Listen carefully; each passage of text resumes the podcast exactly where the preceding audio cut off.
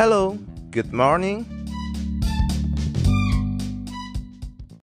Oke, balik lagi dengan gua Christian dan hari ini kita mau bahas sesuatu yang menarik yang mungkin banyak di antara kita mungkin sudah paham tetapi mungkin ada juga beberapa yang belum terlalu paham. Kita bahas tentang saham. Apa sih itu saham? Gimana sih mereka dapat keuntungan dan kerugian dari investasi saham? Nah, bicara tentang saham, saham itu adalah sebenarnya bukti dari kepemilikan. Jadi contohnya misalkan sebuah perusahaan, misal kita buat perusahaan uh, rumah, rumah makan. Nah, misalkan rumah makan itu uh, pemiliknya ada dua, saya dan Joni misalkan. Nah, saya dan Joni punya kepemilikan 50% 50%. Nah, tanpa sadar sebenarnya kepemilikan saya dan Joni yaitu 50-50 yang akan dihitung dalam bentuk saham karena ketika si uh, Joni dan saya membuat perusahaan, biasanya di Indonesia kita namakan dengan PT.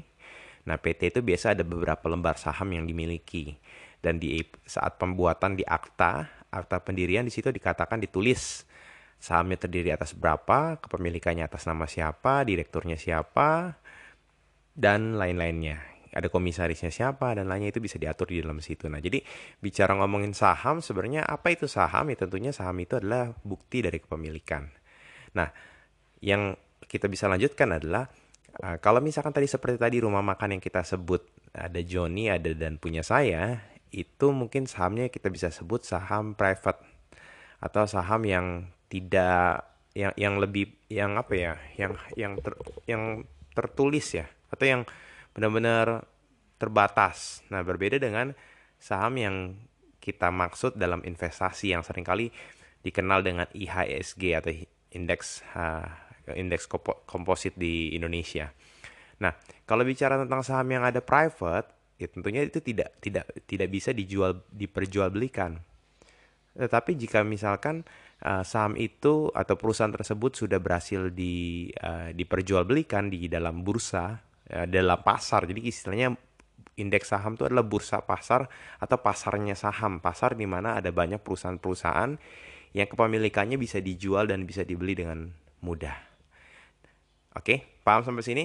Nah, bicara tentang itu, kita ngomong kalau untuk sebuah perusahaan ingin menjadi untuk masuk di dalam bursa saham, kita perlu yang namanya ada uh, istilahnya ada broker atau ada sebuah perusahaan di mana perusahaan itu menjembatani dan juga nanti perusahaan tersebut harus uh, disebutnya adalah IPO atau initial public offering di mana mereka menawarkan mungkin sebagian bisa 15%, bisa 20%, bisa 30% atau sebagian kecil atau sebagian besar uh, sahamnya atau bukti kepemilikannya dijual ke publik di dalam pasar tersebut. Dan siapa pun bisa melakukan pembelian. Dan ketika sudah melakukan pembelian di dalam IPO tersebut uh, ketika orang sudah beli dan lainnya nah di situ orang akan bebas berjual beli di situ misalkan contoh saham yang beredar ada 100 dan saya ketika IPO saya melakukan pembelian 10.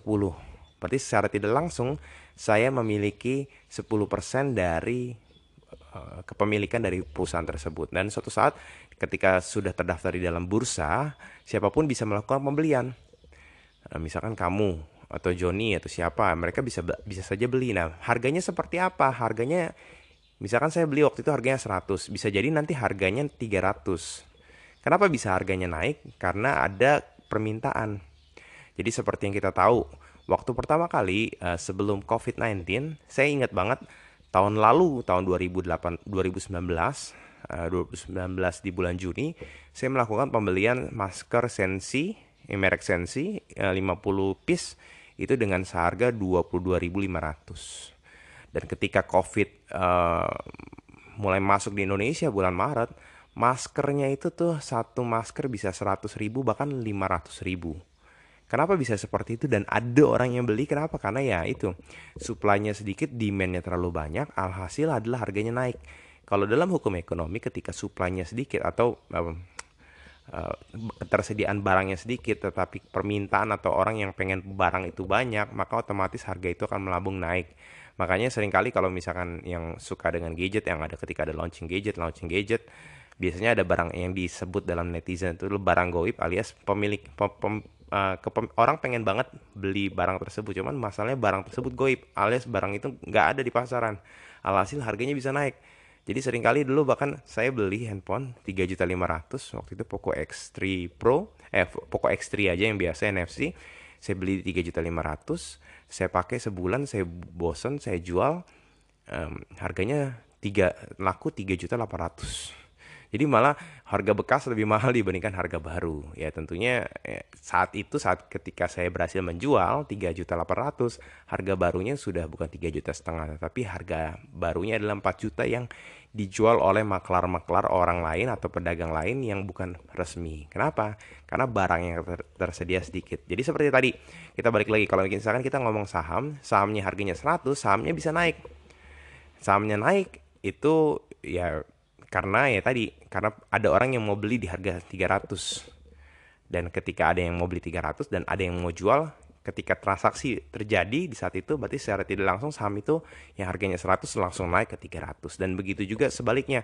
Kalau misalkan saat itu uh, ada orang mau jual harga 300 tetapi yang mau beli harga 100 tidak akan ada pembelian ya tetap harganya tidak akan selesai. Nah tiba-tiba nanti ketika saya yang punya sahamnya terus ada orang yang mau beli di harga 100 dan meskipun harganya saat ini yang tertera harganya 300 nah ketika saya mau jual ah kayaknya nggak laku-laku 300 saya jual aja di 100 dan terjadi pembelian harganya akan turun ke harga 100 alias harga saham akan tergantung dari uh, di supply and demand yang ada dan bagaimana transaksi saat itu ada. Jadi oleh karena itu sebenarnya uh, investasi saham itu merupakan sebuah hal yang menarik sih. Saya juga pribadi belajar cukup uh, banyak di investasi saham dan tentunya kalau kita belajar ya di investasi investasi saham tujuan dari investasi saham hanya ada dua keuntungannya.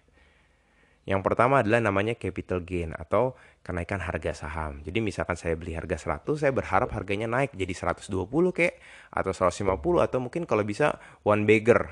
One bagger itu adalah naik 100% atau two bagger atau three bagger dan lainnya. Jadi harga yang saya beli saat ini saya berharap harganya naik di kemudian hari dan saya bisa melakukan penjualan. Dan ketika penjualannya tersebut berhasil saya jual, secara tidak langsung dari harga yang 100 saya beli, saya saya jual di 300, saya untung dalam jumlah yang tiga kali lipat. Jadi luar biasa nggak? Nah, bicara tentang saham lagi ya. Dalam saham itu ketika kita mau bertransaksi saham, kita harus melakukan pendaftaran atau tidak bisa melakukan pembelian langsung di Bursa Efek Indonesia tidak bisa. Tetapi kita diharuskan untuk memiliki akun dari sekuritas atau akun broker tersebut. Nah, akun broker itu ada banyak. Saat ini ada banyak ya. Ada Indo Premier, ada Mirai Asset Management, ada Ajaib, ada uh, eh, CMB dan hampir semua bank biasanya tuh punya akun brokernya masing-masing, sekuritasnya masing-masing. Nah, kita harus mendaftar di situ dan biasanya ada uh, fee-nya uh, mungkin sebelum fee eh, ada biaya deposit di mana kita harus setor uang sejumlah sekian ya tentunya itu buat jadi modal kita. Jadi cara kita melakukan pembelian saham adalah kita harus bayar atau kita harus deposit sejumlah uang di mana sejumlah uang itu kita bisa pakai untuk kita transaksikan untuk melakukan jual jual dan beli saham. Nah, untuk melakukan penjualan dan beli saham di dalam saham seperti yang tadi saya bilang, kalau tadi kan saya kasih contoh bahwa satu perusahaan hanya ada seribu lembar saham ya. Tetapi dalam dalam prakteknya uh, jumlah lembar saham itu banyak sekali. Bahkan ada yang sampai eh, satu uh, juta, satu miliar atau mungkin eh, satu uh, miliar saham atau mungkin berpuluh-puluh juta saham ya. Nah di dalam bursa yang di Indonesia yang kita dikenal untuk pembeliannya itu adalah minimum satu lot. Satu lot adalah sekitar 100 lembar saham. Jadi misalkan kita bisa lihat di sini kalau mungkin yang sudah familiar uh, harga BBCA atau Bank BCA yang uh, adalah perusahaan yang punya market uh, terbesar di Indonesia uh, nomor satu sekitar 11% dari IHSG nah itu harganya 30.000 misalkan ya Nah, itu harga satu lembar saham. Jadi ketika misalkan kita mau melakukan pembelian di bursa saham melalui sekuritas, kita harus melakukan pembelian dalam jumlah lot alias 100 lembar saham. Nah, satu lembar sahamnya 30 ribu. Berarti satu, satu lotnya adalah seharga 3 juta. Nah, ketika kita melakukan pembelian uh, di BBCA, pastikan kita harus punya uang 3 juta. Nah, jadi kurang lebih seperti itu. Nah, terus punya uang 3 jutanya dari mana ya? Dari deposit yang kita bisa taruh. Nah, deposit yang kita taruh itu kita sebut namanya rekening dana nasabah atau sebenarnya rekening khusus, rekening bersama antara si sekuritas tersebut dan juga uh, kita. Jadi secara tidak langsung dana kita aman sebenarnya dana kita tidak ada di dalam um, rekeningnya si broker tersebut atau sekuritas tersebut tetapi rekeningnya ada di rekening khusus yang kepemilikannya adalah punya kita dan punya broker tersebut. Jadi broker tersebut tidak akan melakukan pengambilan dana tanpa ada perintah daripada kita. Jadi sebenarnya secara tidak langsung akan aman dan ya, rekening dana nasabah itu bisa ada di mana aja ya, di beberapa bank yang ada. Jadi sekuritas itu biasa punya mereka bekerja sama dengan beberapa bank atau mungkin ada hanya yang eksklusif dengan satu bank dan lain-lainnya. Jadi kurang lebih seperti itu sih itu yang bisa dilakukan oleh uh, kita untuk melakukan pembelian. Jadi untuk mau beli, nah jangan lupa lagi ketika kita melakukan pembelian di bursa saham biasanya ada fee, ada uh, biaya yang di yang kita yang kita harus keluarkan karena kita melalui jasa broker tadi. Dan tentunya ya tadi karena memang tidak bisa langsung beli. Jadi mau mau tidak mau, suka tidak suka harus ada jasa broker tersebut. Nah, oleh karena itu sebenarnya yang kita harus lakukan adalah kita harus cek juga uh, jasa broker mana yang punya punya harga berapa kurang lebih seperti itu. Jadi ada ya, dalam penjualan ada fee dalam fee pembelian dan penjualan itu ada dua, ada fee pembelian dan fee penjualan. Misalkan saya melakukan pembelian satu lot BBCA seharga 3 juta. Nah, biasanya biaya ada biaya pembelian. Nah, pembelian itu mayoritas beda-beda sih ya. Tiap sekuritas yang teman-teman nanti bisa cek sendiri. Biasanya itu sekitar 0,15 sampai 0,25 persen uh, ya itu untuk pembelian. Dan biasanya untuk penjualannya 0,25 sampai 0,4 persen untuk penjualannya untuk uh, penjualannya. Nah saya saya coba untuk uh, bantu simulasikan buat teman-teman semua. Misalkan kita beli harga seharga 3 juta ya. 3 juta dikali 0, misalkan 0,15 ya. 0,15 uh, persen itu kira-kira biaya yang harus dikeluarkan adalah 4.500. Jadi ketika kita mau beli BCA harga 3 juta, pastikan uang kita harus punya 3 juta 4.500. Kenapa? Karena ya 4.500 itu adalah sebagai uh, fee-nya broker untuk melakukan pembelian. Dan misalkan anggap saja dalam prosesnya satu lot, satu lot BCA kita yang harga 30.000 tadi, yang harganya ya, 30.000 satu satu sahamnya naik jadi 31.000 Nah di saat itu kita melakukan penjualan, penjualan dari uh, ya udah anggaplah kita udah untung lah.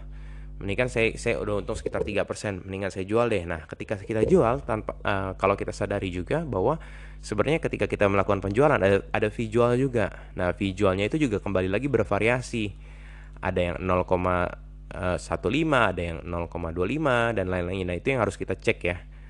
Nah, ini kalau misalkan itu kira-kira perhitungannya adalah dari uh, juta 100 yang kita punya alias uh, ya nilainya kan satu lot tadi yang harganya BCA 30.000 sekarang udah jadi 31.000 alias sebenarnya satu lot yang kita punya itu bernilai dengan 31 eh, 3 juta 100. Nah, ketika kita melakukan penjualan pastikan bahwa uh, kita sadar bahwa uang kita juga terpotong biayanya sekitar 7.750 kalau misalkan kita ibaratkan perhitungannya itu adalah di harga 0,25 ya fee-nya. Jadi pastikan kita harus bisa memilih fee yang termurah. Pastikan ya. Ya, supaya apa? Supaya nanti ketika kita melakukan pembelian atau penjualan, tentunya tidak ada biaya yang terlalu besar yang kita harus berikan. Nah, untuk bicara tentang ngomongin hal tersebut juga, kita juga harus memperhatikan juga bahwa uh, dengan dengan kita memilih broker, kita akan kita harus memastikan fasilitas apa saja yang dipunyai oleh broker tersebut. Apakah broker tersebut uh, punya kayak apa ya komunitas pembelajaran, ada kelas-kelas dan seminar dan lainnya, ada edukasi dan lainnya, dan juga mungkin ada aplikasinya hanya bisa digunakan di mobile saja, atau bisa juga di uh, aplikasi atau bisa juga di hanya di website saja. Nah itu juga mesti kita perhatikan dan juga selanjutnya apakah informasi yang diberikan di dalam website atau aplikasi tersebut cukup jelas, user experience-nya, user in, uh, interface-nya bagus atau tidak. Nah itu yang akan menjadi pilihan dari teman-teman. Cara pembuatannya mudah atau tidak, biaya setornya mahal atau tidak dan lain-lainnya itu juga yang harus kita perhatikan dalam kita memilih sebuah broker untuk melakukan penjualan dan pembelian saham. Jadi kayaknya agak kompleks ya, berbeda mungkin kalau misalkan teman-teman uh, pernah investasi uh, apa namanya uh, deposito atau reksadana atau peer to peer dan lainnya kayaknya uh, pembelian langsung di bursa sahamnya agak lebih ribet tentunya. Belum lagi nanti bagaimana kita menganalisa perusahaan mana yang harus kita beli di harga yang tepat, di harga yang tepat dan juga ketika kita menjual gimana harganya supaya bisa harganya naik. Nah, itu ada analisanya tersendiri dan pembelajarannya cukup panjang dan besar karena seperti yang kita tahu ketika kita melakukan investasi di bursa saham, kita tidak menginvestasikan di sebuah tempat atau sebuah uh, platform atau sebuah hal med median yang yang nggak jelas gitu dan tidak ada tujuannya. Nah, kita jel, uh, dalam pembelian atau investasi di bursa saham, medianya jelas, portofolionya jelas bahwa ini perusahaan yang hidup, yang berjalan sampai saat ini, menghasilkan tetap berjualan, uh, tetap menghasilkan keuntungan dan lain-lainnya. Dan banyak juga di bursa-bursa sah di bursa saham ada banyak juga perusahaan-perusahaan yang lagi rugi atau juga perusahaan-perusahaan yang mengambil utang jum dalam jumlah jumlahnya besar atau lain-lainnya. Jadi banyak banget hal yang harus diperhatikan di dalam uh, bursa saham. Nah, oleh karena itu tapi pastikan teman-teman uh, ketika teman-teman menginvestasikan di bursa saham, teman-teman bisa punya kendali yang penuh dalam berinvestasi. Teman-teman bisa melakukan pembelian misalkan pembelian ya tadi seperti tadi saya bilang Bank BCA atau mungkin Unilever yang teman-teman kita tahu barangnya selalu kita pakai Nah, kita bisa melakukan pembelian langsung tanpa harus melewati yang kita sebut ya mungkin lebih gampangnya adalah reksadana. Reksadana itu adalah sebuah sebuah media atau platform di mana menyimpan banyak transaksi. Ada transaksi reksadana saham, ada reksadana obligasi dan lainnya. Jadi menyimpan banyak hal dibuat sepermudah supaya setiap masyarakat untuk untuk berinvestasi dapat dengan mudah, dengan dapat dengan gampang. Itu. Cuman masalahnya sebenarnya kita sering kali nggak memperhatikan bahwa kita harus lihat prospektus dan fund fact sheet-nya reksadana dan harus bisa menghitung banyak hal. Tapi sering kali ya kita ya sebagai orang yang awam mungkin cuma lihat ya kenaikan dan keuntungannya saja, ya, experience-nya dan lainnya. Nah, ya it's, it's okay. Tapi jangan lupa kalau reksadana itu ada fee yang diperlukan untuk si manajer investasi tersebut melakukan uh, pengelolaan lah kita bisa sebut. Atau mungkin ada yang juga rek, uh, reksadananya aktif dalam mengelola alias dia lakukan jual beli juga ada yang juga modelnya pasif. Banyak banget reksadana juga jenisnya banyak banget dan lainnya. Jadi kalau teman-teman mau memastikan uh, teman-teman berinvestasi di bursa saham pastikan yang tadi yang pertama. Ya teman-teman pastikan bahwa teman-teman mendapatkan keuntungan dari capital gain. Dan yang kedua sebenarnya ada yang kedua. Yang kedua adalah teman-teman juga bisa mendapatkan keuntungan dari pembagian dividen. Apa sih dividen itu sebenarnya? Nah, jadi seperti ini. Misalkan kita sebut kita punya rumah makan. Nah, rumah makan tersebut melakukan penghitungan dan pencatatan keuangan dengan baik. Selama satu tahun keuntungan dari rumah makan tersebut 100 juta. Dan karena modal yang diberikan uh, dan dijalankan dan kepemilikan perusahaan tersebut ada dua, saya dan Joni tadi 50-50, nah 100 juta itu tidak serta-merta langsung masuk ke rekeningnya Joni. Tidak serta-merta seperti itu kalau memang perusahaannya khususnya perusahaan yang terbuka yang terdaftar di bursa saham. 100 juta itu akan ditentukan oleh direktur atau kepemilikan tersebut atau manajemen dan lainnya untuk dibagikan mau berapa. Misalkan mau dibagikan 100% alias 100 juta itu akan dibagikan. Nah, karena saya punya 50% dan Joni punya 50% ya, saya akan mendapatkan 50% dari 100 juta tersebut dan Joni juga akan mendapatkan 50% dari 100 juta tersebut. Tapi berbeda kalau misalkan manajemen atau direkturnya mengatakan bahwa kita hanya bagi 50% saja, 50% lagi untuk ekspansi bisnis kembali. Ya udah, saya akan dapatkan 50% eh, dari 50 juta tersebut dan Joni juga 50% dari 50 juta tersebut. Dan itu berlaku juga seperti di bursa saham. Ketika saya punya satu lot, mungkin saya punya satu per seribu atau satu per satu juta dari saham tersebut, dari kepemilikan saham tersebut. Ya, tetap saya juga akan mendapatkan dividen di dalam bursa saham ada banyak perhitungan-perhitungan, banyak uh, istilah-istilah yang menggambarkan hal tersebut.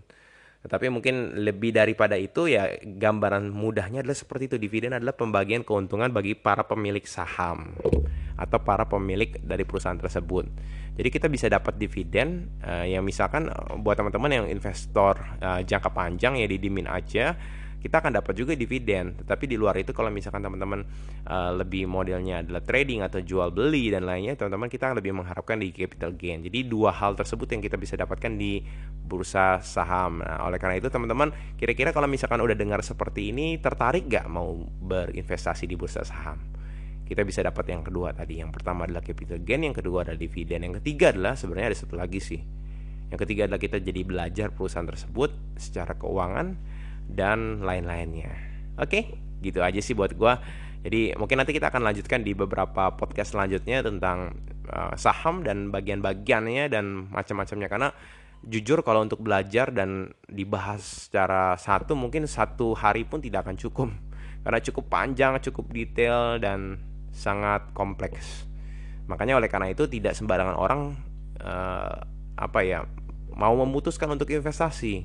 Karena kalau teman-teman memutuskan untuk investasi di sebuah tempat yang teman-teman tidak mengerti, teman-teman sama aja meresikokan diri atau berspekulasi dan merugikan diri kita sendiri. Oke, gitu aja sih paling dari gua. See you and God bless you. Bye bye.